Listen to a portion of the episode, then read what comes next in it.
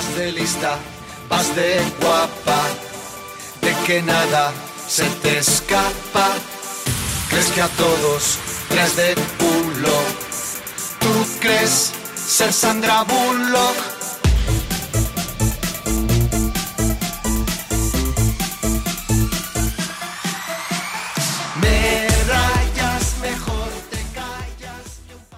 Fai uns anos no tradicional anuncio de Nadal dunha marca de embutidos, dicíase que facer un chiste hoxendía era un luxo que podía sair moi caro. O curioso do anuncio é que estaba protagonizado por persoas que nunca viron perigar o seu emprego polos seus chistes ou opinións e que ademais ocupan horas e horas en todos os programas da televisión nacional. Claro que hai persoas que son perseguidas, despedidas, multadas ou encarceradas polas súas opinións, pero non son precisamente as que se refire o anuncio. Teño a sensación de que simplemente son uns privilexiados que choran acusando de ofendidiños as persoas que cuestionan un humor ou un discurso que imperou durante anos e que agora empeza a cheirar a rancio. Así que tranquilos, mentre os vosos chistes ou opinións non ataquen o poder, seguiredes voando alto como ca... Bueno, mellor non o digo, eh, non vai a ser que me saia moi caro. Eres tan peste negra, eres tan feria de abril, me rayas, mejor te callas, que un par de cosas te voy a decir.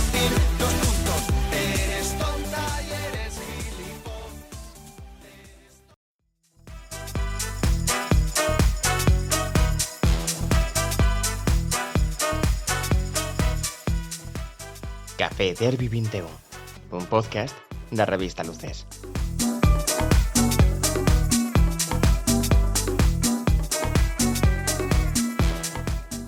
Benvidos ao Café Derby 21 a semana máis. Son Nico Carreira, eh, todavía con restriccións, con internet, con cousas cibernéticas. Ao meu carón, ao outro lado da pantalla, está Adrián Lede.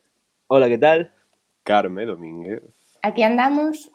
E hoxe estamos en compañía de un actor e de guionista en ciernes, porque non acepta todavía o seu título, que Miguel Canalejo, benvido.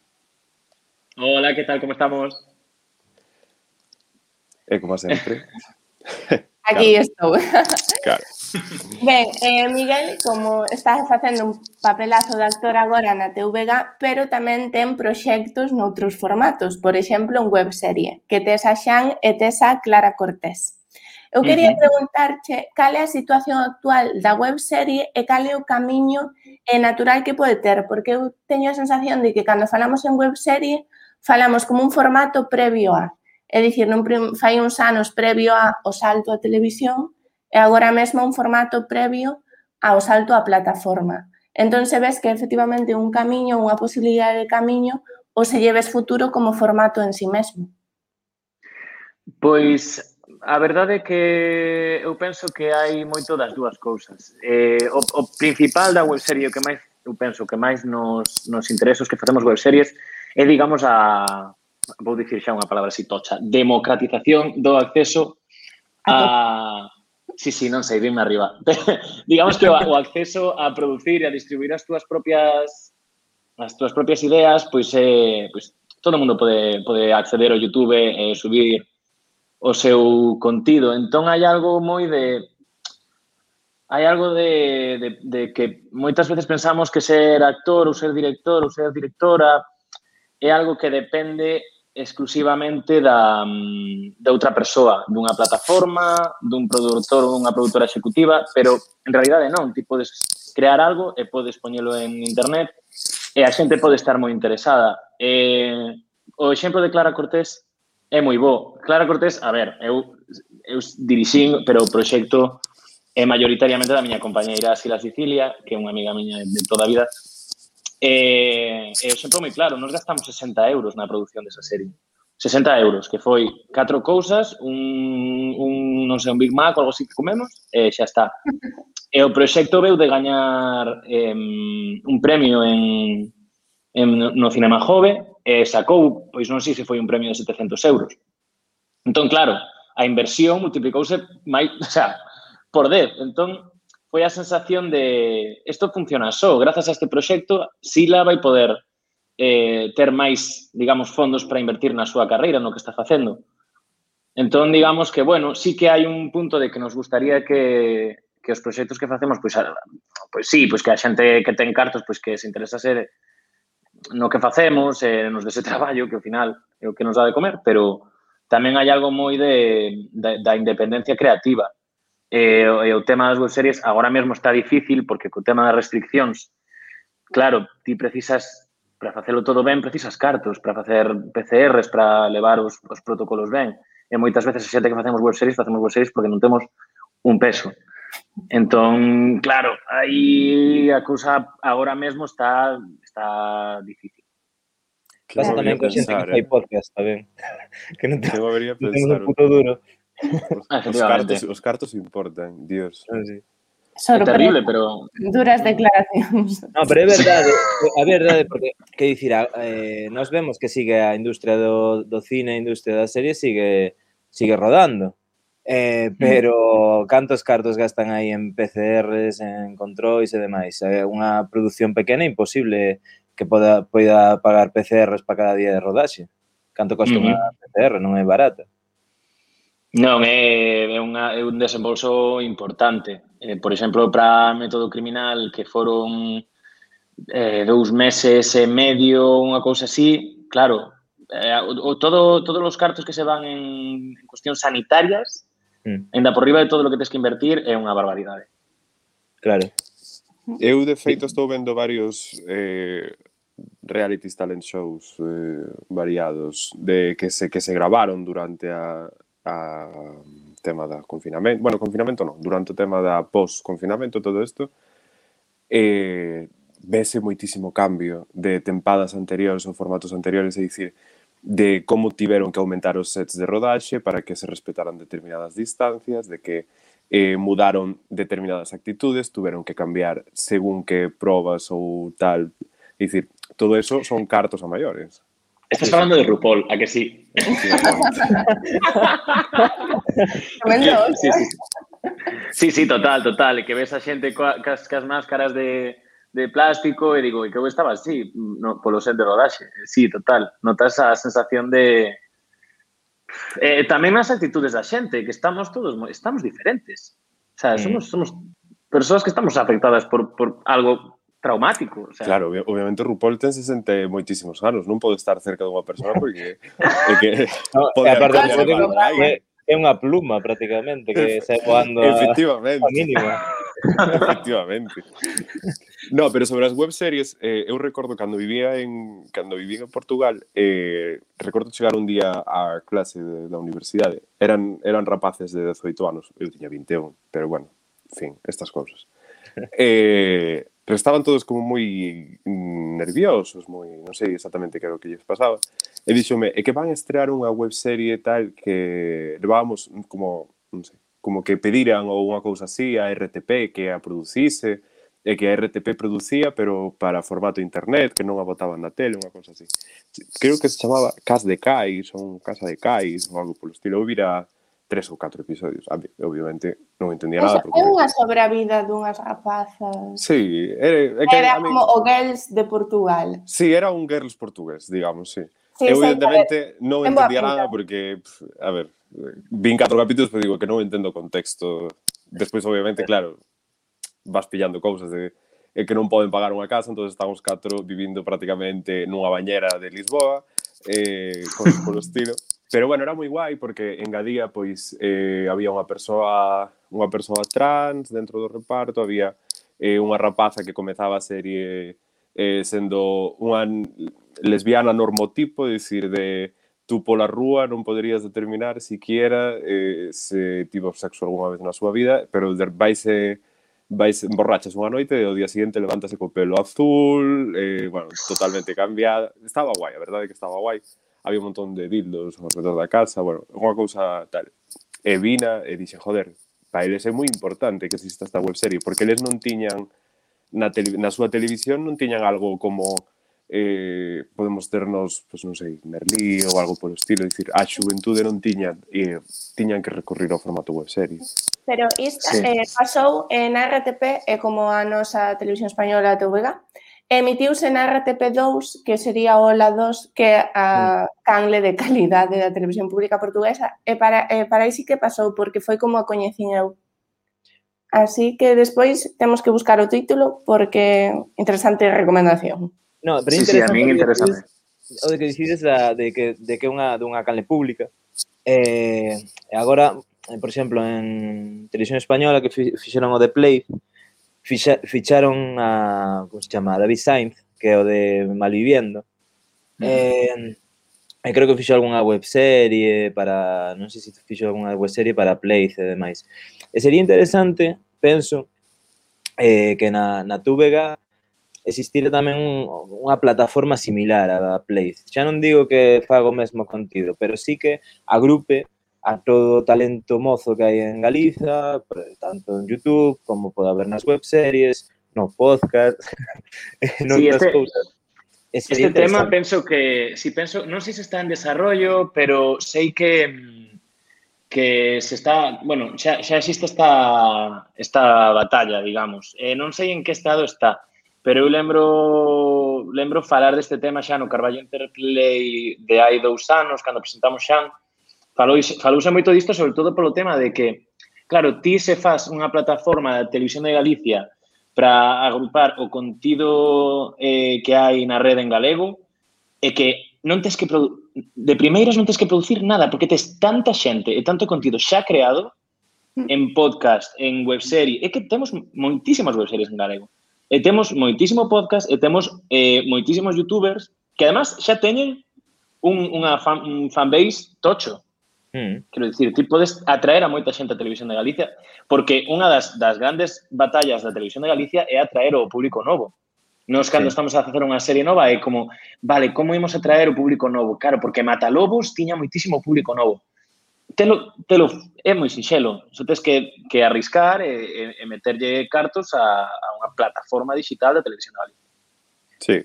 Porque hai como de unha... feito, eh, eu penso que a ultimísima gran webserie eh, funcionou tanto entre a xente nova e foi polo pico a pico, foi Paquita Sales. Sí, sí. sí. Eh, e aí Antena 3 o único que lles deu penso que foi un, non sei, un rocho onde gravar, porque non lle puderon dar dúas cámaras aos Javis. Sí, sí. Ne, logo Netflix o que, o que detrás de cámara é outra cousa. Eso cada claro, un aí pasou ah. o do salto a plataforma, claro. maior versión. Aí aproveitou Netflix, eh, Netflix fixo comprou a un proxecto que xa viña crecendo, que consolidou uno por completo e sobre todo na terceira na terceira temporada, penso que foi a, a consagración absoluta de Paquita Salas, que notase que hai máis presupuesto, que notase que hai máis máis calidade a mellor temporada da serie. De feito, na segunda costoulles moi, o sea, para min é a peor de todas porque non se acostumaron ben ao medio que tiñan, porque viñan de facer mm. unha cousa e no medio hai un proceso no que tens que saber, pois pues eso, o de sempre, onde estás e a quen lle falas. Sí, sí. sí é, é que, e aparte de todo, xestionar ese nivel de presuposto non é sinxelo. Parece que, ah, bueno, pois temos un montón de cartos. E eh, sí. saber o que facer con eles... Algo mineral. Ah, efectivamente. con 60 Aquí... euros seguida o temos claro pa, Tal pa onde van, pero con 60.000 igual xa empezamos a, a divagar. -huh. No, pero, eh, eh, por exemplo, a nivel nacional sí que agora con tema de Netflix, HBO, eh, Amazon Prime, telo máis sinxelo, entre comillas, de coller, eh, faz un proxecto, o mellor ten éxito na rede, xa ven Netflix a, a por ti. Eh, en cambio, claro, un proxecto que en galego eh, é máis é moi difícil que chega a Netflix por moito éxito que teña en Galicia, porque de momento Netflix a nivel por, por Galicia creo que só comprou o sabor das margaridas. Eh, o resto de incluso esta serie que hubo certa polémica esta serie de Amazon Prime de Tres Caminos ah, Tres Caminos. Que sí, emitiuse terrible, en castelán Dios. e non se emitía en gal non podes vela en galego. Cousa na, tan mala na, na oh. plataforma. Pues, eu teño que está subvencionada pola Xunta esa serie. No, sí, claro, obvia, obviamente. Que millóns, non falamos de 60 euros. Sí, non, eran, eran cartos, eran cartos. Do- Eu a Eran dos verdade que... millóns algo, penso. Bueno, é terrible, o sea, Alejandro, Alex Fernández ou Alex, eh, Alex González. No, Alex González. Alex González, eh, nombre de estrella, eh, facendo de mexicano ou colombiano. Era, que ten sin sentido absolutamente todo. Bueno, pero é un señor guapísimo. Por eso, por eso autobús. tampouco necesita, por eso tampouco necesita un nome impresionante. No, bueno, a ver. Claro, sí, nome genérico. Eu teño que dicir que non a vin, porque xa é certo que non escoitei tampouco as mellores críticas, entón xa e eh, tamén que o tema personalmente non me chamaba moito. Non, no, sí, vou dicir unha herexía, pero a mí... Cando faz moita línea a Santiago no autobús, o camino perde, desvirtúase moito. É unha eu penso que unha... debino facer 160 veces aproximadamente.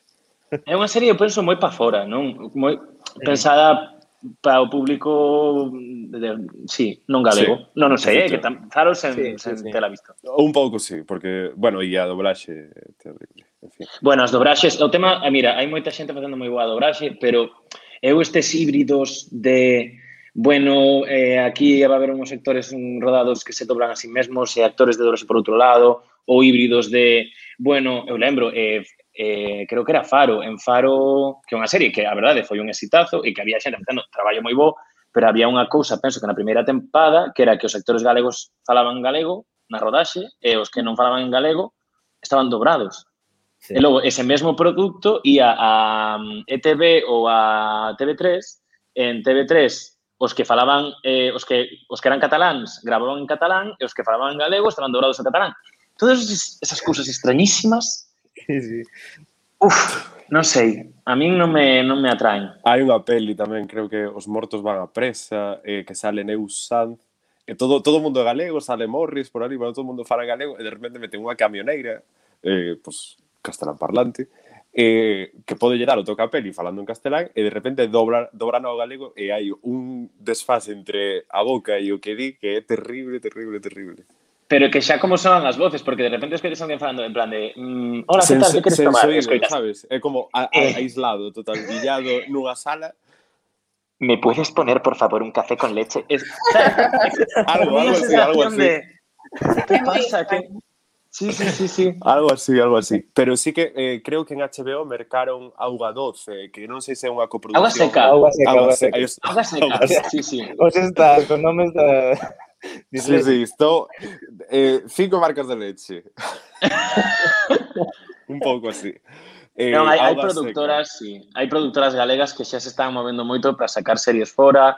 Bueno, e Bambú Está... é iso, eh, é galega, produce para Netflix, pero bueno, como que non se acaban de atopar en identidade. Eu, eh, o, o problema que vexo que o que dicíades antes que a serie, que hai as series que saen de, de, de Galicia para o, para o mundo, chamemos, de, de dicir, saen, están feitas como para xente que non é galega. Eh, penso que estaría ben facer algo para nós e que a vez gustara fora, que creo que podes facerse. Non penso que a tuve tres bueno, paga, series para pa España, para Cataluña e gustan aquí.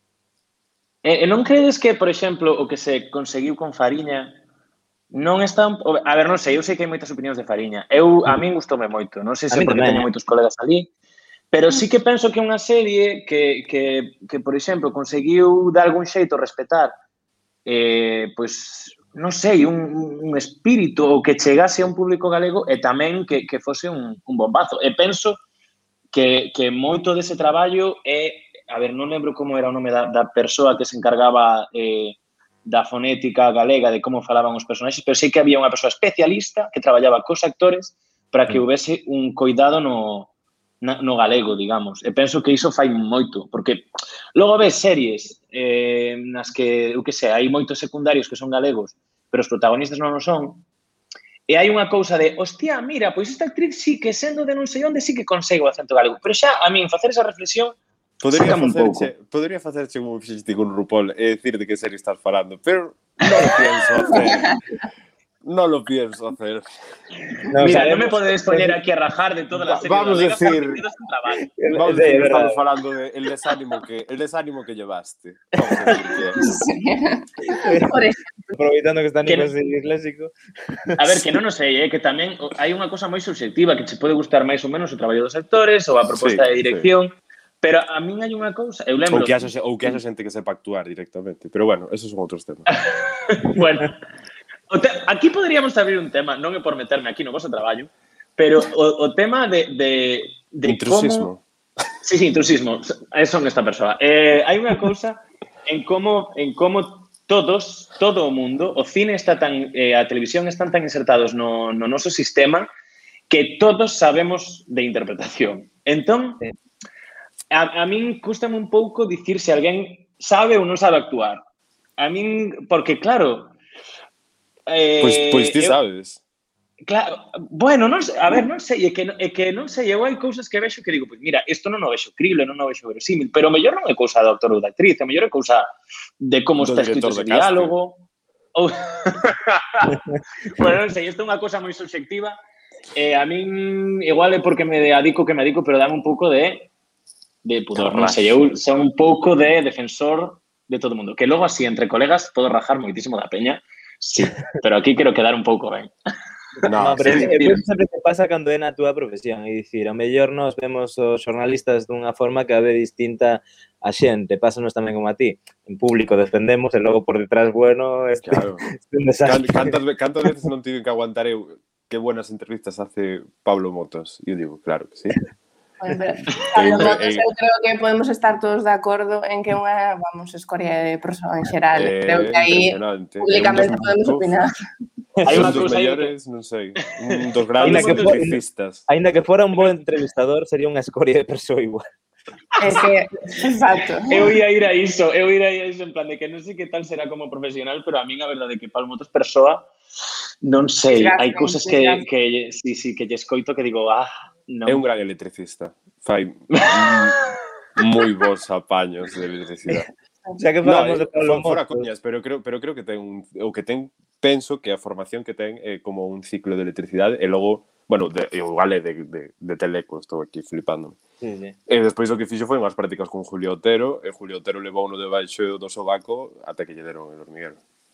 Pero antes era moito máis fácil chegar eh, na televisión e demais ca, ca, ca agora que hai muitísima máis competencias, agora xa un rapaz con a cámara na súa casa pasa por diante de ti.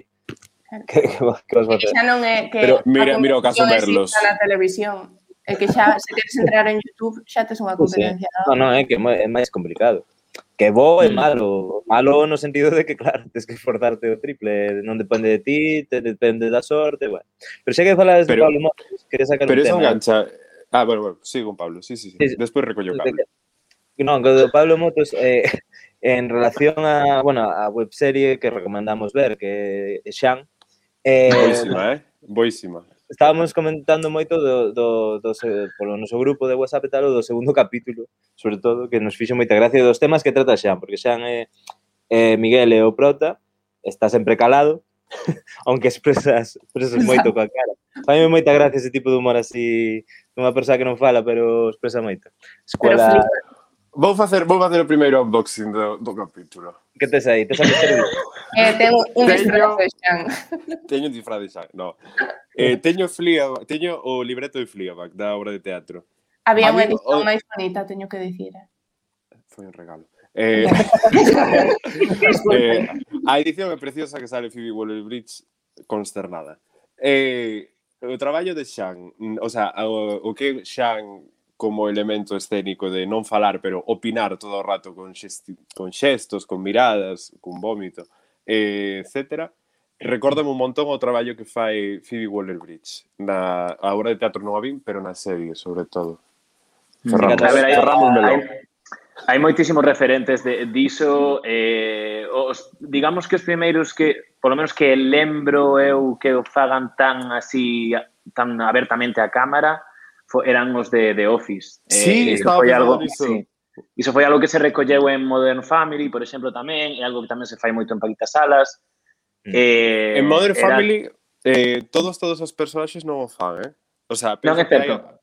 Hai, eh, por exemplo, Mitchell, fai, Mitchell e Claire fano moito, Mm. Pero porque hai outros que non son conscientes, por exemplo, eh, Gloria e Phil non son conscientes de que hai como alguén mirado, ese tipo de xogo. Para mí ah. foi unha gran evolución da, da, da sitcom de risas enlatadas, bueno, risas enlatadas ou risas con público, foi a, a o tipo documental, puxo moi de moda despois disso. Ah. Mm. Eh, e faime moitísim, moitísima gracia, que eh, cun, por exemplo, mellor en Mother Family, un, un The Office, o chiste pode estar ben, pero a mirada, a cámara, eh, eh, que mátome de risa. Mm. Pero é que hai unha cousa moi técnica niso, é moi simpático. Eu cando empezo a falar de comedia, empezo a falar de matemáticas, é de, son un pouco así. Pero é que hai unha cousa que a, que a mirada á cámara dese personaxe é, é, o, é o mesmo que fan as risas enlatadas, é o, é o que che está dando permiso a mm. rir, é o que che está facendo cómplice. E cando, cando hai un, sempre hai un personaxe que fai o, o payaso e hai outro que dá o teu punto de vista, aí é cando ti sentes a complicidade, encariñaste co personaxe, eh, sentes que, que, es, que es un pouco parte desa... Total, desa, total. Claro, por iso en Xan o intentamos extremar todo o sí, sí. posible, porque Xan non é unha serie feita a, con acuarela, é unha serie, fe, unha serie feita con, con crayones, en plan, todo así, ben, ben subrayado, que se vexa ben o que, sabes, sí, sí, un pouco... Todo por bueno, fora da liña. Sí, sí, sí, sí, sí. Eh, Gualdos vermellos. Que iba a dicir eu? Por que dixen que está relacionada Pablo Motos con Xan? Non é porque Pablo Motos sexa gracioso. Dispara, orte, temas que, é porque os temas que trata Xan, eh, que, do, bueno, do, nos, no segundo e no tercer capítulo, sobre todo, que tanto liberdade de expresión, entre comillas, ou opinións destas fachorras, eh, que se amparan na liberdade de expresión, e logo os límites do humor e o humor feito eh, por en España por señor por señores rancios son dous temas principais. Eh, pareceme que Pablo Motos abarca perfectamente esos dous temas. Todo. Dese segundo e do terceiro capítulo da, da serie. Non sei que opinades deste, destes temas. Sobre, bueno, para empezar, por exemplo, polo segundo capítulo, o tema de eso, de, de opinións que agora, pois eso, fal, non sei, como no, no capítulo coas persoas trans, eh, Eh, eh, nada, a liberdade de expresión, ainda que soltes unha barbaridade. Opino que ten 60 anos moi mal levados. Pablo Motos está... Pablo Motos está feito tiras de esparadrapo. Ten 60 anos? Ten 60 anos. Ou, ou se non os ten anda cerca, eh? Non tiña nin idea. Ou igual claro. 60 ten Vicente Vallés. Sí, Vamos, que... a ver. Vamos a mirar en Google mentras seguir Calquera, calquera dos dous. 55. 55. Pe, pois, mellor vos. Está feito tiros. Parece un muñeco de prova de balas. Vicente Vallés, 57. Bueno, non lle fagamos body shaming a Pablo Motos, eh? Pobre home, tampouco. Ah, é verdade, é verdade. Amparándome límites, eh, aquí límites, por favor. ampara- Ya, amparándome ya. segundo capítulo de Xan. Pode ser un machista, pero, pero non lle fagamos body shaming. Sí, efectivamente. efectivamente. No, Eh. hai, a ver, Sí, perdón, perdón, dalle, Nico. No, dalle, que non sei que iba a dicir. Así ah, que arrinca ti. Non, é que, dios mío, canto te interrumpín, sí, todo. Eh, non, que, bueno, que eu penso que hai unha cousa que, que, está, que penso que eu estou orgulloso dunha frase que está escrita no trap do terceiro capítulo que é o tema de, ela dice, liberdade, pero non me deixas opinar. Eh, mm. Eh, entón é unha cousa de que como moitas veces a mesma persoa que se amparan a liberdade de expresión para facer un determinado chiste ou dar unha determinada opinión é a mesma persoa que cando lle dis mira, isto que acabas de dicir é super homófobo. Mm. Esa persoa é como eh, eh, eh non me censures. Pero que pasa? Eu non che podo dicir que me estás que me estás claro. atacando. É que me, precisamente o que estou facendo eu expresarme e dicirche, tío, me estás me estás estás a, fa, a facerme dano. Non sei, sí, sí. sabes, reflexiona, dai unha volta. É que entón, eu, non sei. Estou, estou a favor de, eh, bueno, estou a favor da liberdade de expresión, obviamente, que agora é un tema que está, bueno, candente nesta semana co tema de, de Pablo Hasél, e obviamente mm, inda que sexas gilipollas e eh, non teñen que, que meterche unha multa, ni meterte na cárcel, ni nada. Digas o que digas, eh, inda que sexa unha tal. O que, o que si sí, estou no meu dereito, se ti soltas unha racistada ou unha barbaridade diante de min, eu a dicirche que és un gilipollas ou a dicirche o que teña que dicirche. Pero esa mm. xente, cando lle mm. dice eso, di, eh, diche, me estás ofendiendo, non sei que.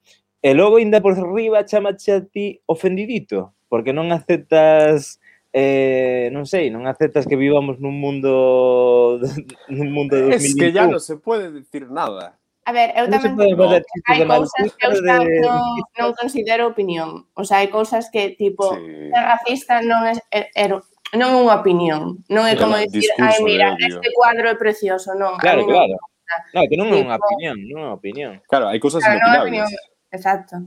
Quer dicir, para mí hai certos eh, conceptos básicos pois das relacións humanas da existencia e do que ven sendo vivir en sociedade que non son opinables. Que hai claro. moita xente que dirá que sí, que dirán, no, pero que a muller non teña dereito a traballar, é a miña opinión. Vale, para mí é unha puta merda, non é a tua opinión. Non é mm. así, non debe ser así e xa está. Agora, sí, sí, sí. o tema dos ofendiditos de ofenderse por todo, pois xa me parece... É que é un pouco contradictorio, porque vese por un lado como que digas o que digas podes facer dano a alguén. E un ofendido vaiche salir tipo por calquera cousa.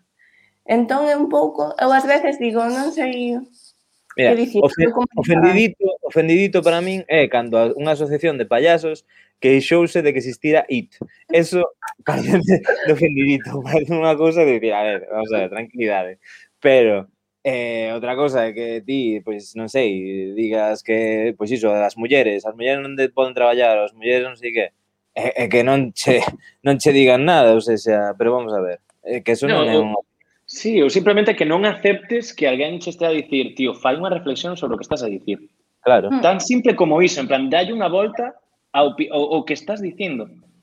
O sí, sí. o que podes provocar, porque hai moito de, de non ser consciente do que facemos ca, ca as palabras na, na, na sociedade, o efecto que teñen. Hmm. Eh, é moi de, perdón, estou, teño, teño todo dereito, digo, pero dalle unha volta. Simplemente iso, é o que che estou dicindo, dalle unha volta. É, é, é, é ese aceitar esta cousa que non me gusta nada, pero do sentido común, o sentido común, sabes? Mm. Sí, tío, eu non sei, o tema da, da, da, da cultura da cancelación, non sei que, eu hai, hai tempo que xa decidín que non vou andar en Twitter dicindo non sei que está en el cancel. O que vou facer é deixar de consumir o que está a facer porque non me interesa. Claro. Mm. Sabes? A min antes encanta, teño que dicilo, antes hai, hai anos gustaban máis películas de Woody Allen. Agora, mm. hoxe en día, é que xa non me apetece velas, sabes? E logo entre amigos podo falar dele, podo comentar a miña opinión, pero pff, prefiro exercer hmm. o, o poder que me queda dentro desta sociedade que no consumir. Eso pareceme bastante no interesante. De, de feito, antes estábamos a falar de que vais a ir un... para de micro, de que vais a ir un documental sobre Mia Farrow e Woody Allen que xa dará para falar bastante no, dentro de unhas semanas. Eh, pero, por exemplo, eh, unha cousa que me parece interesante aí. Eh, imaginade, o que sei, Woody Allen mesmo, sodes superfans de Annie Hall. Eh, é unha das vosas películas favoritas, pero eh, Woody Allen, polo que sexa, de, bueno, polo que sexa, se sabemos o que deixa vos de gustar, non? Hoxe en día. Eh, pero que pasaría con esa película? Pe pensades que é compatible non admirar a persoa neste momento da súa vida e non consumir as súas novas películas, pero seguir eh, disfrutando das, das súas obras que xa están en ti. Sí, pois... Eu, bueno, eh, eh, Miguel. Non, non, dalle, dalle, Carmen, que eu non calo. No, eu decía que eu, por exemplo, bueno, xa o dixen varias veces, eu son super fan de Woody Allen, sí, sí. eu para min foi como o meu primer descubrimento dentro do mundo do cine que me impulsou a ver outro tipo de películas. E hai un artigo feito por un, penso que é unha actriz francesa que está en el país que fala deste tema. E di unha cousa moi interesante, falando de tamén de separar a obra ao artista, que di, vale, o Woody Allen pois foi moi importante na miña vida cando comecei a ver as súas películas, e Annie Hall, por exemplo, especialmente polo personaxe femenino que ten, que, por exemplo, eu a vin nun momento no que veía a esa personaxe femenino que eu dixen, quero ser eu, o sea, esta señora quero ser eu tal cual, ao mesmo tempo que estaba vendo a mítica Un paseo para recordar a que a personaxe femenina é unha boba que non se entera de nada. Entón, claro, eu vexo outro e digo, guau, increíble. Entón, que contaba ela era que, bueno, pues despois de toda a polémica de Woody Allen, de que ela que non tampouco defende, e dende a súa posición de feminista, algo que lle fai sentir incómoda, porque ten esta contradicción Pero que pasa, di que vou a renunciar a unha serie de películas que no seu momento fixeronme moi feliz ou fixeronme pensar sobre determinados temas porque este tipo sea un normal agora. Entón aí eu sitúome no que, mira, pois eu agora podo non admiralo persoalmente, pero que claro, para min na miña formación como persoa as súas películas deronme certas cousas as que non quero renunciar. E logo despois está o punto, cando falamos destas polémicas, que eu digo, mira, eu estou farta de sentirme mal por cousas, en xeral. O sea, se teño que ver unha peli de Woody Allen, teño que sentirme mal porque hai un, unha porcentaxe da poboación que pensa que un pederasta ou non sei que, ou sexa ou non. Ou agora por cantar certa canción teño que sentirme mal porque este músico puxo un tweet sobre tal.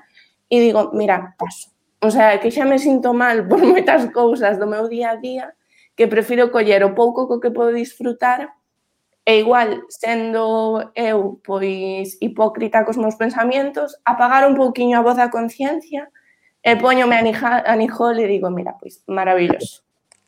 Total, pero é que hai, o sea, hai unha cousa do que eu, que eu penso que está na conciencia, digamos, de, do que estás a consumir, é como como comer, sabes? Ti sabes que se comes unha hamburguesa, pois non, o mellor non é o máis sano ou sabes, pero sabes o que estás a consumir, digamos. E sabes, non sei, a mí o que me pasa co tema de separar o autor e a obra, moitas veces é que non son quen, é que chega un punto non que digo, claro, é que non é só a mensaxe, mm. tamén é o emisor. Mm. Tamén hai que ter en conta que unha película non a fai só unha persoa, hai un equipo de xente, eh, é unha cousa moi delicada. Entón, eu penso que, claro, agora mesmo na sociedade parece que todo o que facemos ten un impacto global, absolutamente todo. Uh E, e non ten por que ser así, sabes? Eu a película que vexo na casa só pois tamén é unha, unha elección individual que fago eu na miña casa só. Mm. Eh, non, non teño que estar constantemente sabes, simplemente explicando. Claro, claro, o que hai que saber é o que estás o que hai que saber, eu penso é o sea, é distinguir. É, é, é, sabes? Eh, non sei. Eu, hai unha peli de Woody Allen, penso que mm, eh, mientras la cosa funciona o algo así. Sí, que vai dun home maior, sí, que vai dun home maior, que se enamora dunha muller máis nova, non sei que, hai unha relación aí que eu lembro que me rime moitísimo da peli. E agora, claro, pensando en toda esta polémica, é que é raro, en plan, o emisor e, o, e a mensaxe, como en plan, que estás intentando contar. Sí, é, é, eh, vexo a modificada, non sei. Claro. Hmm. E logo, outra cosa tamén que penso que hai que diferenciar é o que dicías, eu o vexo na miña casa e sei o que estou consumindo.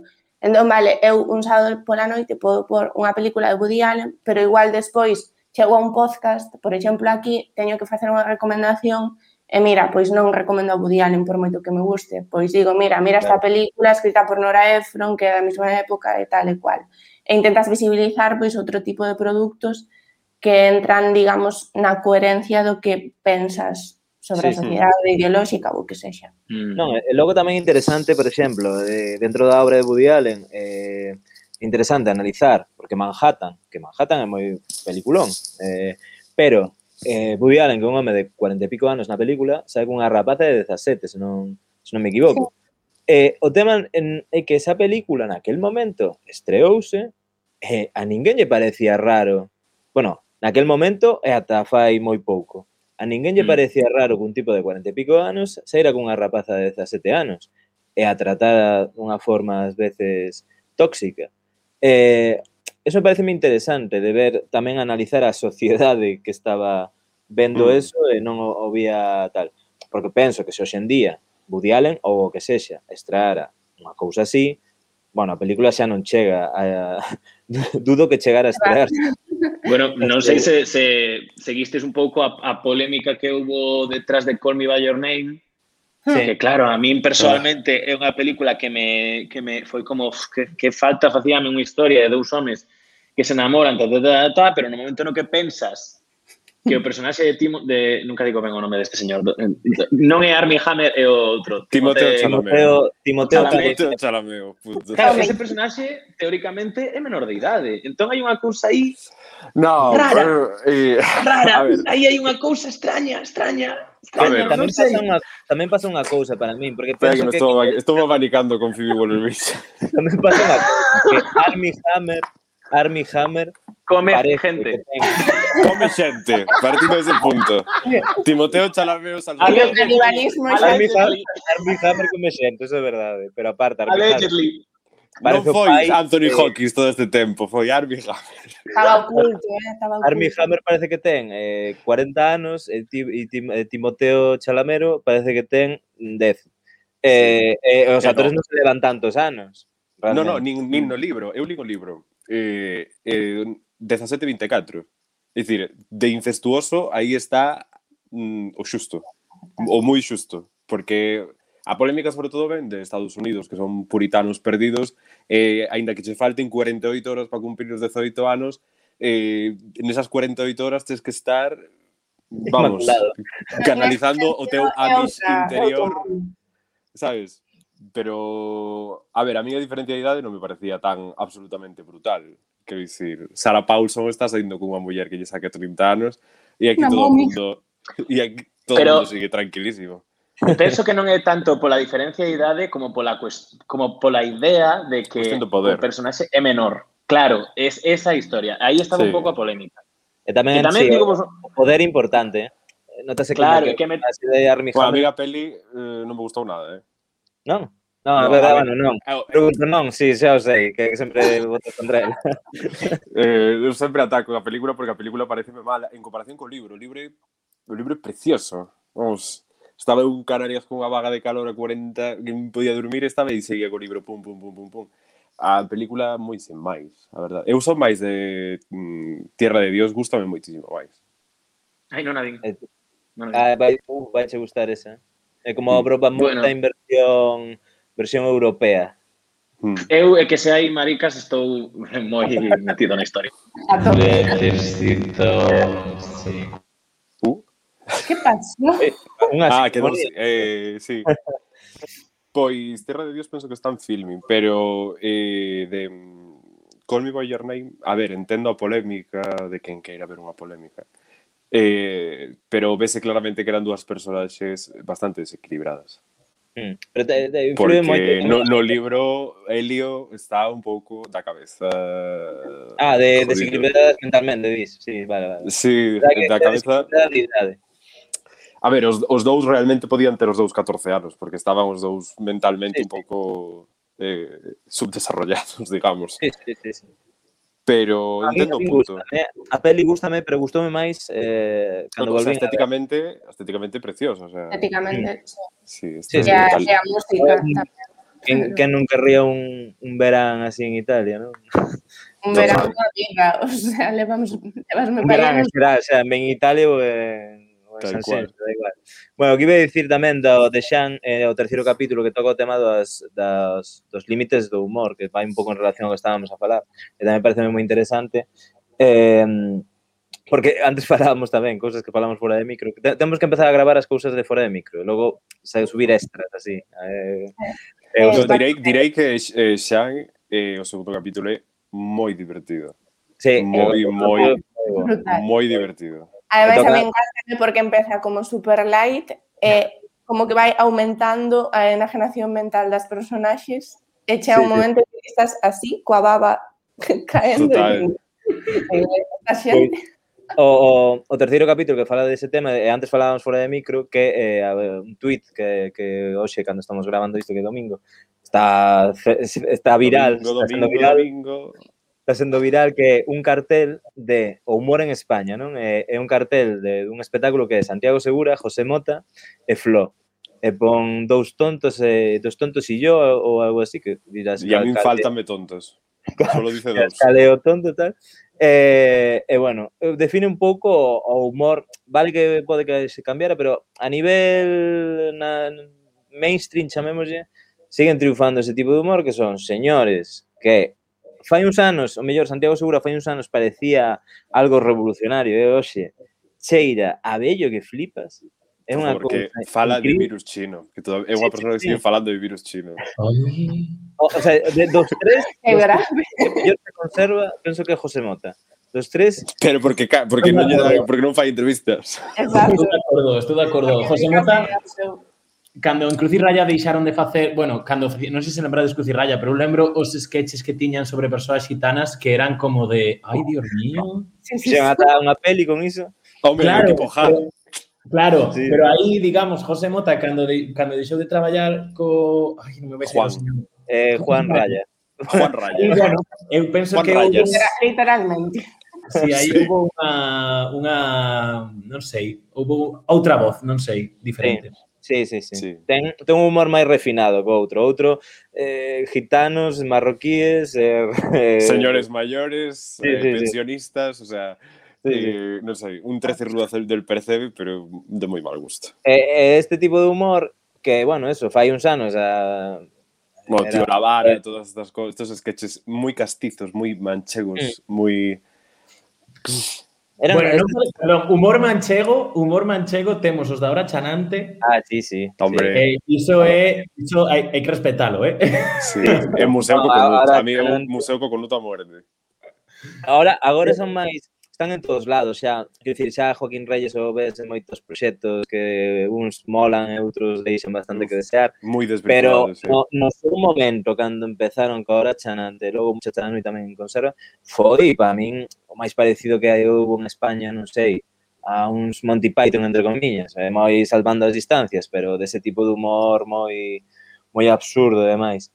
Eso, os límites do humor agora eh, penso que hai certas cousas a min que non, Por moito que digan que para mí non se, a mí gracia non me fan, xa.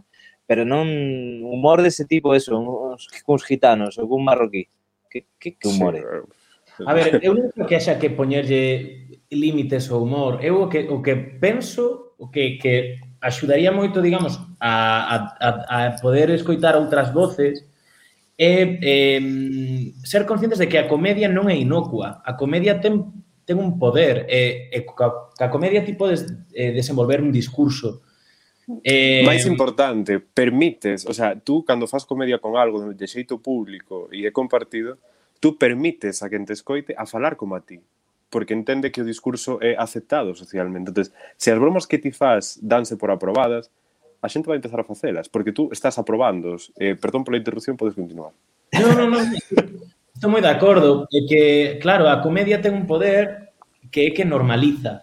Entón, depende moito de quen faga o chiste, de cal se xa o chiste, de cal é o espazo no que faz o chiste. Hai que ter, isto que estudábamos na, na, nas clases de, do, do proceso comunicativo de emisor, mensaxe, receptor, medio, ta, ta, ta, ta, ta, ta hai que terlo en conta. E, eh, eh e a comedia parece que hai un concepto, hai un xito de entender a comedia que é como se fose unha varita que ti daslle a comedia e calquera cousa vale.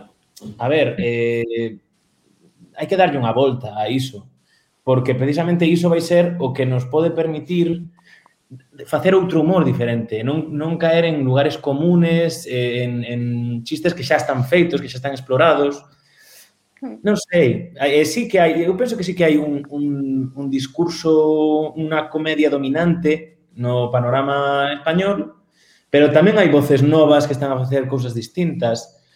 Eh, se buscas un pouco, atopas. Hmm. E xa. sobre todo hai moito disto no YouTube. Sí. Volvendo xa, xa está aí. Da, do acceso a, a, aos públicos. Non, pero sí, sí, sí que eh, agora outra cousa que falábamos antes de que agora con unha persoa con unha cámara ou calquera cousa pode pode chegar, sí que abre a novos mundos de no mundo da comedia, porque antes ao final para triunfar na comedia, pois iso, tirabas por típico chistos, típicos monólogos de Mi novia, mi novia, cada vez que llega a casa... Es.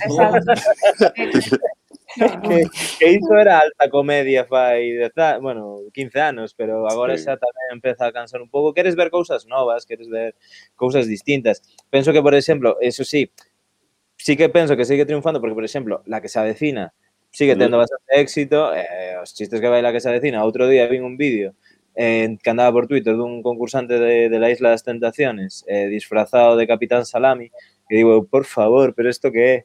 Eh, que vergüenza. E logo, o trato que fan das persoas trans na que se avecina é unha putísima vergüenza. Porque xa, a, a, se vi un vídeo por aí que subiu Amor de Gran Hermano.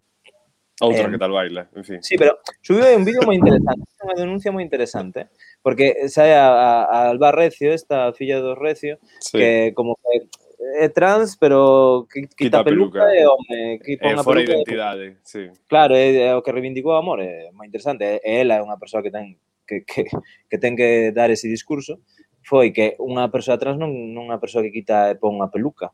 E dar ese mensaxe dunha, de unha serie de Telecinco de máxima audiencia é moi perigoso. E o peor é que os, os, os creadores da que se avecina non fagan autocrítica ninguna. E ainda digan, bueno, Eh... De, despois, e, eh, e eses dicen ofendidos, digo, hostia, se non me ofendo por isto.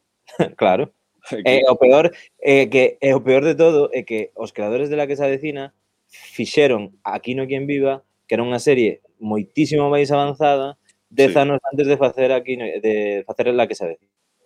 É que precisamente eu lembro, aquí no quen viva, eu lembro que foi eh, a, a primeira serie que me permitiu a min ver unha personaxe homosexual nun, digamos, nunhas situacións que, que, non, que non a ridiculizaban, digamos, que tiña unha, que contaba que esa persoa homosexual podía ter moitas cousas das que nos podemos rir, pero non era jaja, ja, es marica, sabes? Non era unha cousa no, é que precisamente normalizaba, é que normalizaba, veías como calquera persoa, calquera señora, como podían ser Vicenta Concha eh, Marisa, Marisa, Ter un vecino que, de, que é maricón, Eh, eh, bueno, eu digo maricón porque son maricón, pero porque podes.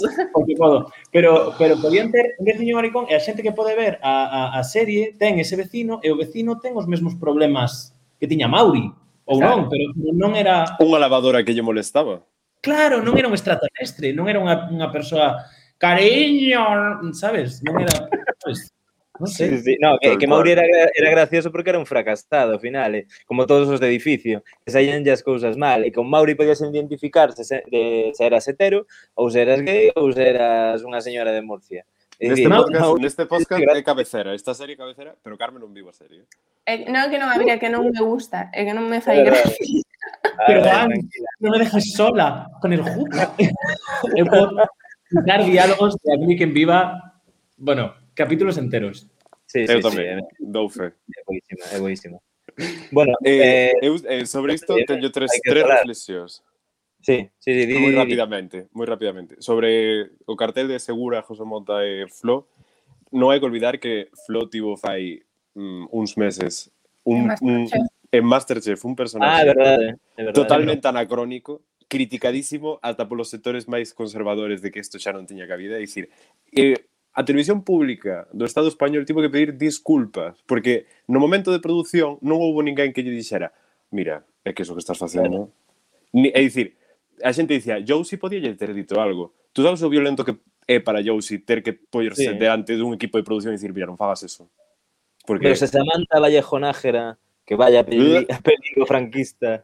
Eh, no, home, porque seu pai, tú verás que era seu pai. Claro, claro. Outro día que, que é xurado de Masterchef, para que non vese a Masterchef. Outro día co fillo, que, que o rapaz, ademais, eh, ten síndrome de Down, sí. eh, preguntándolle se tiña mozo ou mozo. Non, que eh, non sei, non, non con, recordo con como... quen ba, con quen bailan as chicas, ah, esto. cos chicos. Eso, eh, ela rep, eh, reprobounlle o comentario de que dixera que os chicos bailan cos chicos tamén. Que te os chicos bailan coas chicas. Non sei, e subino ela as stories, o sí, sí, Instagram. sí. E hubo É dicir, se esa persoa pensa así, é o xurado do programa, a saber o ambiente que hai aí. Sabedes cal é, cal, desde o meu punto de vista, cal é a solución para, digamos, todo isto?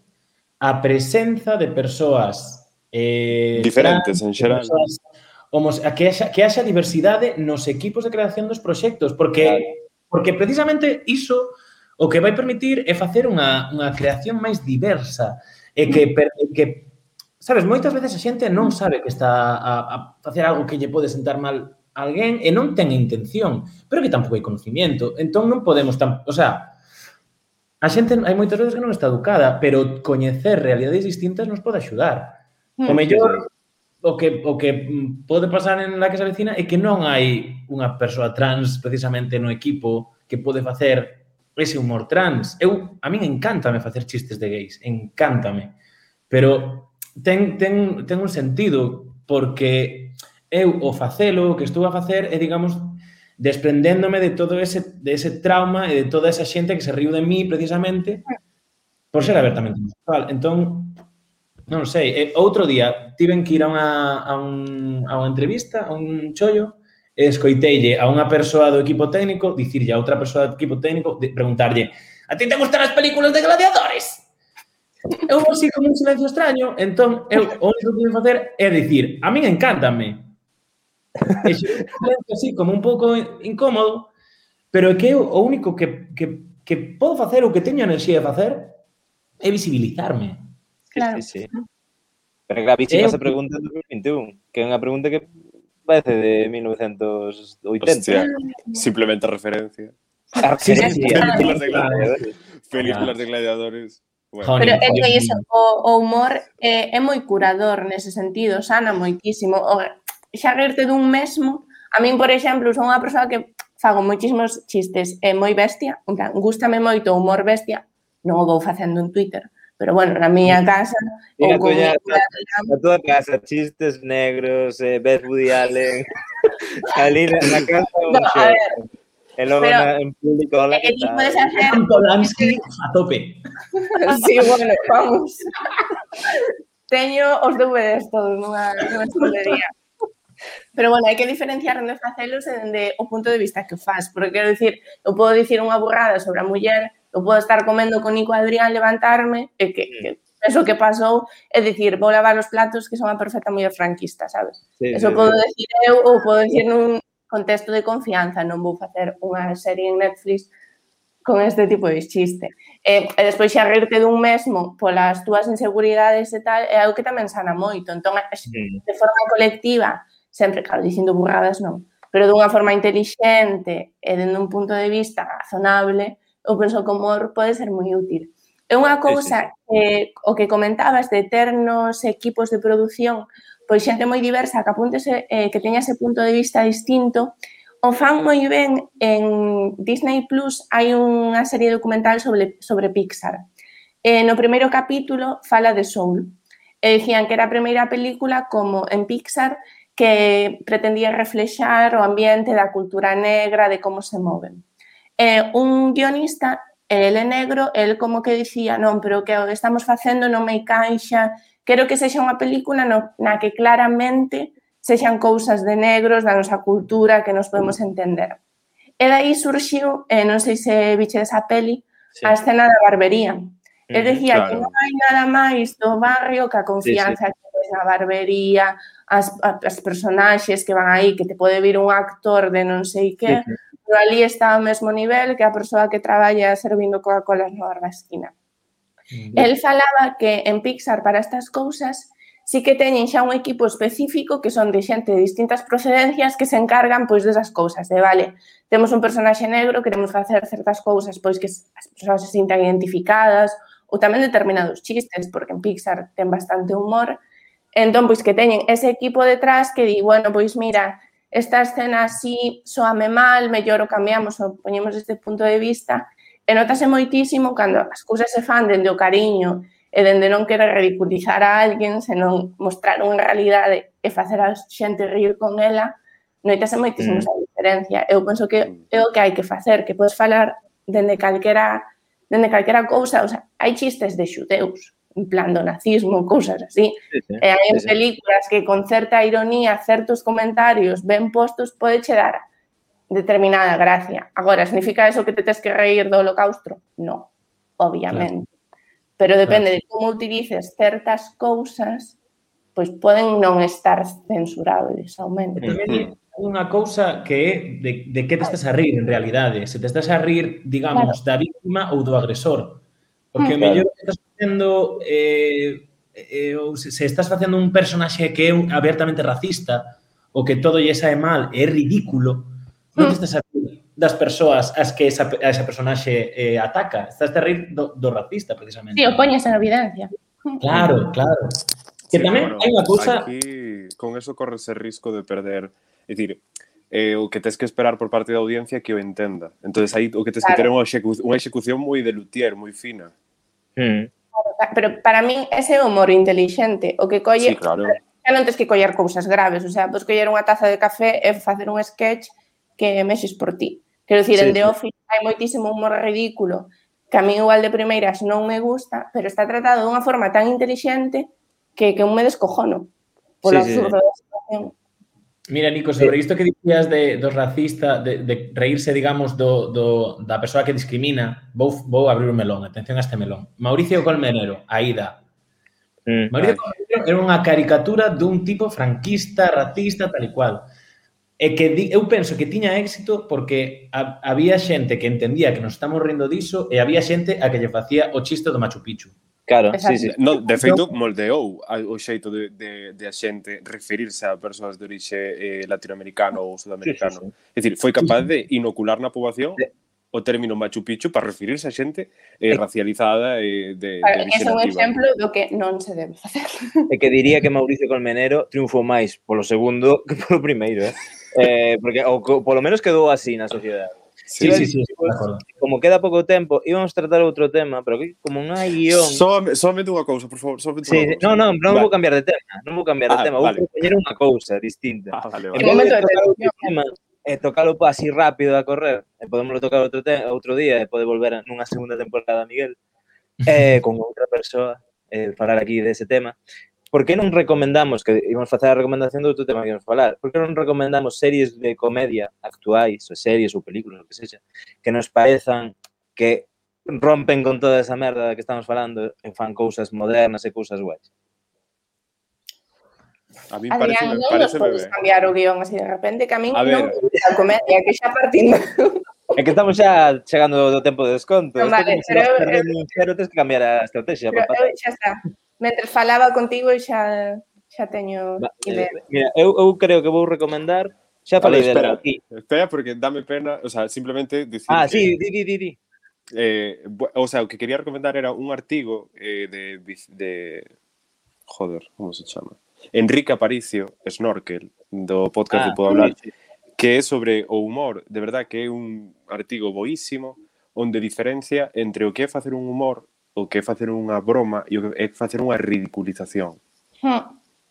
E, e mira, eh, podo e dar es... un bo exemplo de xente que se ri de si sí mesma con temas relativamente graves porque falan moito da terapia de obesidade, de homosexualidade, de machismo, de cousas así, e o fan cunha autoridade e dunha forma intelixente que tamén hm. fai moitísima gracia e a vez normaliza moitísimo e da visibilidade a certas experiencias. O sea, el fala, por exemplo, do caso de Chiquito, de como Chiquito, eh, a ver, a mí Chiquito faime entre cero e menos cero gracia.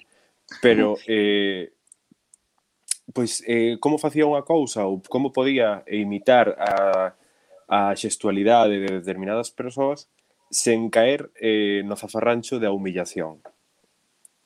Mm. Eh, é un artigo que recomendo, leva tres ou catro minutos lelo, mm Eh, non sei exactamente, creo que está en código cero, eu li no xa fai un par de meses.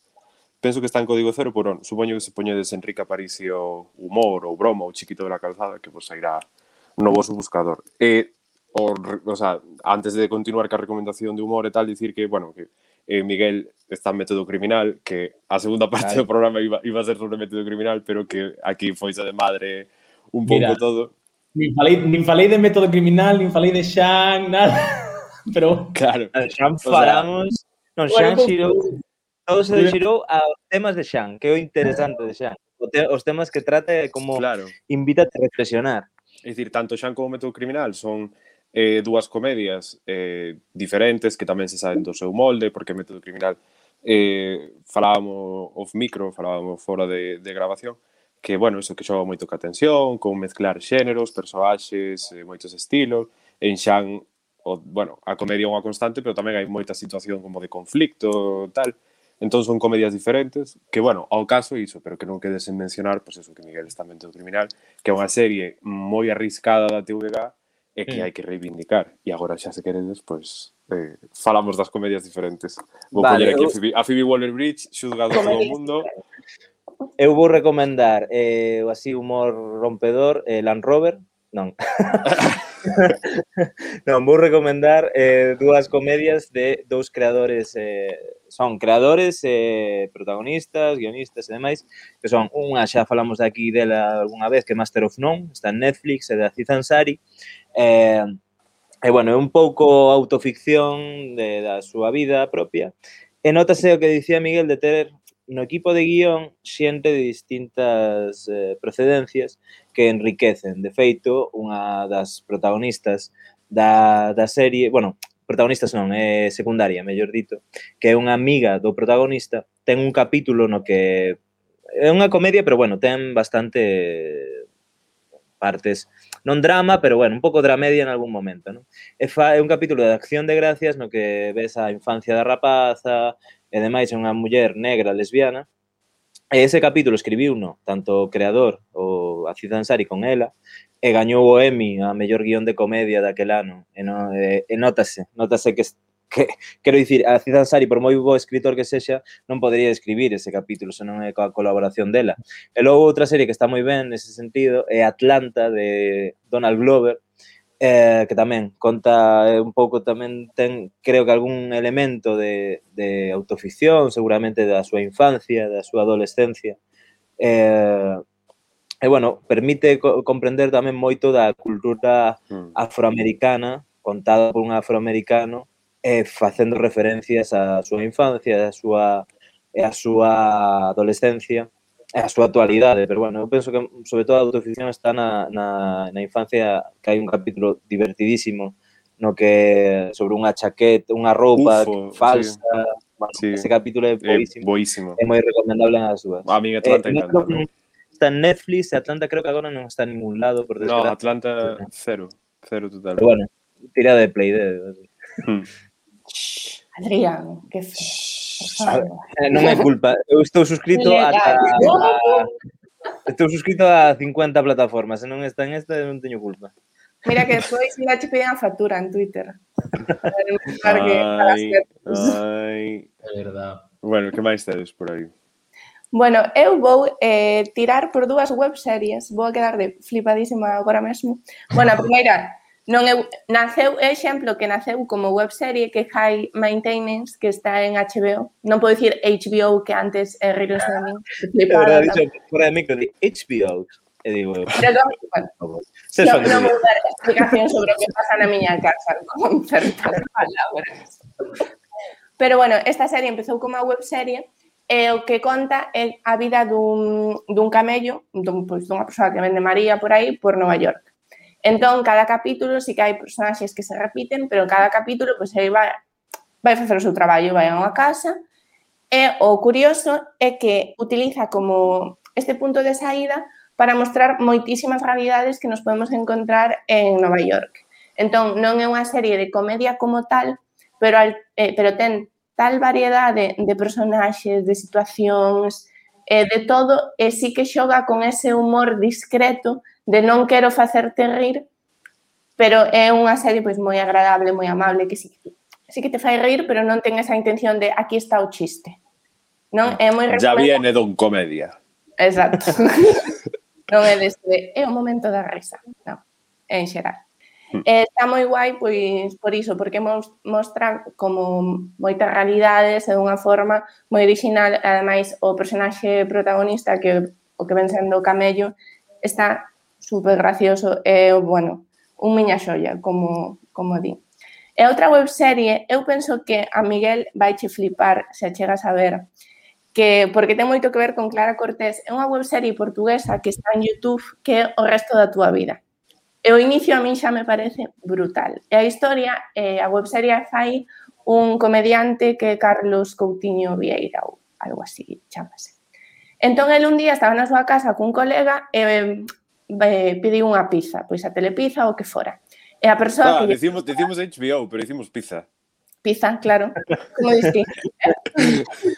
pizza. Ves, humor. Humor. Humor. humor. Momento humor. Perdón, sigue Carmen. O caso, a pizza alevaba un, un home que había traballado eh, no seu momento foi moi famoso polo que ven sendo a física ou química en Portugal, que é o morangos con azúcar. Entón, unha persona que era adolescente foi super famosa e despois como que foi caindo de nivel ata pois, o repartidor de pizzas. E uns meses despois, este señor, o antigo famoso, envíalle unha mensaxe por Facebook ao comediante e di, oi, mira, é que eu levo anos intentando triunfar no mundo do teatro, eu vexo que ti agora estás facendo cousas en YouTube, e como que a nova forma de darse a coñecer, e propoñe facer algo xuntos. E o que fan é unha webserie que é un pouco meta, porque mezcla como as partes de ficción con a historia en realidade, e a historia é que o comediante eh, colle a este actor e dille, vale, entón vouche convertir nun actor mainstream da, a día de hoxe. Entón empeza a decidir, mira, tens que vestirte así, tens que recuperar os contactos cos outras persoas coas que traballaste para ser famoso, tens que abrirte Instagram. Entón é un choque, unha persoa que di, non quero facer actor de teatro, como todo moi clásico, outra que lle di, non, é unha merda, tens que cambiar todo, facelo así. Entón, ese proceso eh, bueno, se non a vedes é moi guai porque acaba como, ao final fa unha obra de teatro desta webserie. Entón, é o proceso así. A obra de teatro fun a ver, está moi, moi divertida. Ese humor de ríome de mí mesmo, de quería Pero- ser actor. pero O, o, o, o da, da pizza, que non me quedou claro. Era real ou, ou era na web Sí, sí, sí. No, Pasou de no. verdade? Sí, sí, sí. Ah, eso es que es muy gracioso. Claro, hoy, claro, es un punto de partida magnífico. O punto de partida é fantástico, claro. Sí, sí. Entón, despois sí. mezclan. Eh, de feito, hai algunhas tomas nas que, claro, eu non cheguei a averiguar se era verdade ou non. Naquel sí, sí, igual sería o cómico. Uf, pero eu penso que isto non está ben así, eu non quero facer isto, non me sinto seguro. Entón, como que vai mezclando eso, ficción, realidade, pero a historia foi así. O sea, o, o comediante colleu ao tipo e dixo, ven pa aquí, transformación. Entón, ten, está moi, moi guai e son poucos capítulos e ademais se poñedes con subtítulos enténdese perfectamente. Mm. Miguel, unha pregunta. Sí. Eh, ti para metaficción iba a recomendar Seinfeld? Non, eu para ah, metaficción vale. iba a recomendar Community. Vale, vale. Ah, community hai un personaje que non para de, de facer referencias as, do que acontece na serie como se fose unha serie, en plan de uh, esto, esta tempada non, non nos está quedando moi ben. Eh, entón, eso, community, para min é unha das, das, das, das xoias da comedia. Eh, punto. punto. punto. Period. No? Hai, ah, community, sí, buenísima, buenísima. É unha tempada moi mala, moi mala, pero... Eh? Sí, sí. Ten un trama, ten un, un, un tramo da serie que é increíble. O sea, xa, sí. unhas temporadas aí non sei a do, segunda, terceira, cuarta, creo que, non me acordo ahora ben, pero que increíble. Sí, sí, cal, sí, sí. cal recomendas ti? Que comedia? Pois mira, a ver, é que non, non é unha comedia, pero sí que é unha serie co que rin moito. É, é a, a serie da Veneno. Ah. A serie da Veneno, se, se non a viu a xente que nos escoita, é o, obrigado, porque Eh, primeiro de todo, fala, o sea, sí que hai todo este tema da representación que falamos, eh, de, pois, de introducirnos a o mellor realidades que a xente non, non, non ten, digamos, no seu día a día. É unha serie que, que sabe facer humor porque sabe desde onde fai o humor. Eh, eh, logo é unha serie pois que, que, que, que fai, eh, desde o meu punto de vista, fai historia, porque está falando da representación trans ne, eh, no, en España, E, e falta, aínda hai moito camiño aí que, que facer. eh, a verdade, Cristina Veneno fixo, fixo moito. Tiña moitas cousas, ela como persoa, pero, pero fixo moitísimo. E, e logo unha serie, hai, eu, con este tema de, bueno, de como facer comedia e do poder da comedia, hai unha serie que que Brooklyn Nine-Nine, que non é que precisamente sexa a comedia, digamos, social, tal, pero hai un capítulo, é un capítulo no que hai un conflicto que o sarxento, que é un, é un home negro, eh, está na súa, no seu barrio, eh, a súa filla perdeu unha manta, penso que é, e un policía o detén por, porque basicamente é unha persoa negra. Entón, eh, hai un momento da serie no que nese capítulo en concreto hai unha escena de drama, puro drama do, do sarxento, que é unha persoa negra falando co seu tenente, que é outra persoa negra, unha persoa negra máis homosexual, e como falan no, no, na clave de drama máis bestial, que ademais te sorprende moitísimo, porque, porque dis, hostia, isto agora... Eh, falan precisamente de, pois, dun conflicto moi claro de que podes facer de, de, de das dificultades que ten as, as persoas que son oprimidas pola súa raza, eh, de, que poden, de como poden loitar sen sen deixar de medrar, porque ás veces, moitas veces, eh, dicir ou denunciar según que cousas pode che afectar no teu traballo. Bueno, non sei, se eh, podes, non lembro que capítulo é, penso que é da tempada 4 ou na 5, é unha barbaridade. É unha, é, iso unha lección de, de guión e de representación impresionante. É unha serie moi, moi, moi querida, eh? Na, mm. nas redes notase moitísimo parte. Sí. Sí. E eu, a ver, eh, tiña aquí anotada a serie esta de Pueblo española, eh, que sigue un pouco a liña de Aquí no hai quen viva, eh, saltando la que se avecina, e é unha serie, eu recomendo bastante, que introduce este mundo do urbanita rural en contacto co ruralismo castizo puro. A mí ten certos gags e certos apuntamentos que sí que me, que me fan relativa gracia. Bueno, bastante gracia, feito, que cojones. Eh, E despois teño Crashing de Phoebe Waller-Bridge que leva observando todo tal, que é unha serie curtísima de seis episodios, está en Netflix e é un, unha, unha semente do que despois foi Fleabag que é desta comedia que non estás mexando por riba de ti, pero bueno, que pero man, sí, manteste aí e sinteste moi representado e eh, este ton de dramedia ácido, bueno, eu recomendo moitísimo. Tragicomedia griega. Sí, eh, é moi, a min, a verdade é que sí, e logo eh, non é unha serie como tal, é unha webserie, pero tampouco é unha serie é un, digamos, un show de comedia. Miguel sabe sobre o que é, que é, eh, é que non ten, non sei ni como se pronuncia. Mm, de oh, Trixie. Eh, claro. Ahí lo ven, ahí lo ven. Trixie Mattel, Patricia Molochkova, en YouTube. Iso en YouTube. Es, hizo es, mira, eh, deletréase, U-N-H-H-H. Hmm. Eh, absolutamente todos os capítulos, todos os recopilatorios. Eh, probablemente foi o que me salvou de non ter unha depresión crónica durante o confinamento. eh, é un show que dura o capítulo disponible en YouTube dura como 15 minutos, creo que os, os de pago que costan, o sea, que no, son están, como... todos, están todos en YouTube, eh? O, o de pago non, non son máis longos, eu pensaba que Os sí. de pago que teñen é que non están censurados. Eh, nos Ajá. de ah, YouTube bueno. o que pasa que cando din tacos son, son patos e cosas así. Sí, cosas, cosas por estilo. Eh, é un programa que con moi pouco, o sea, que literalmente faise con dúas persoas graciosas e unha post-edición, digamos, sí. unha edición tal, eh, non ten prácticamente nada, pero é moi gracioso, moi rompedor. Eh, rompe con todo o que está con todas as tablas tal. A ver, pódese ver con subtítulos, pero bueno, sí que se necesita un puntiño de inglés para pillar algo sí, que outro abrazo. Sí. Sí, e un pouco de cultura do tema para saber tamén de que algunha broma ou entender algunha referencia e tal. Pero, bueno, que de verdade que é brutalísima, porque ao final son dúas drag queens facendo eh, un web show de comedia, o sea, é boísimo, é boísimo. Mm. Bueno, eh, perdón, gustaríame engadir unha cousa máis, mm. que é recomendar motivos personales, vale? Sempre hai que volver a Lidia Con Vos. Lidia Vos. Lidia Vos eh, escapando, eh, buscando o, o asasino, sempre iso Va, eh, que era, vir, era Virginia. Non sei por que non están producindo xa o reboot de motivos personales eh, e por que non me están casteando a min como Natalia Nadal, Natalia Nadal, perdón. O sea, sempre, Esa, sempre. esa serie marcou a miña infancia porque non entendía nada. Tiña unha cabeceira tetriquísima con unhas estatuas de anxos ou non sei que, bueno, unha cousa Sí, sí, sí. E logo estaba tétrica. Jean Cornet que estaba todo o rato en plan Dios mío, tengo un secreto, oscuro secreto que na... Eres mariquita, ya lo sabemos.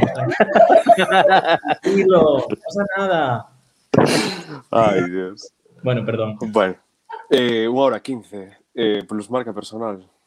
É que... A xente, a xente chegará hasta aquí. Mira, foi o que máis durou, no, eh, o guión foi polo aire, co cal foi programón. Sí, e a conclusión que foi un programazo. Pero, bueno, moitísimas grazas por acompañarnos, Miguel, eh, Nada, prestarnos esta, esta hora e pico. eh, quedas formalmente convidado para outra ocasión para falar de método criminal, porque, en fin, Bueno, foi mira, foi non pasa nada, non pasa nada, seguro que funciona moitísimo o capítulo de hoxe. Agardamos. Foi nos moito. Eh, bueno, a todos os que chegaron hasta aquí, os que non chegaron, nunca o saberán, pero bueno, mm, grazas polo vosso tempo e como sempre, vémonos a semana que ven. rayas, mejor te callas que un par de cosas te voy a decir. Dos puntos, eres tonta y eres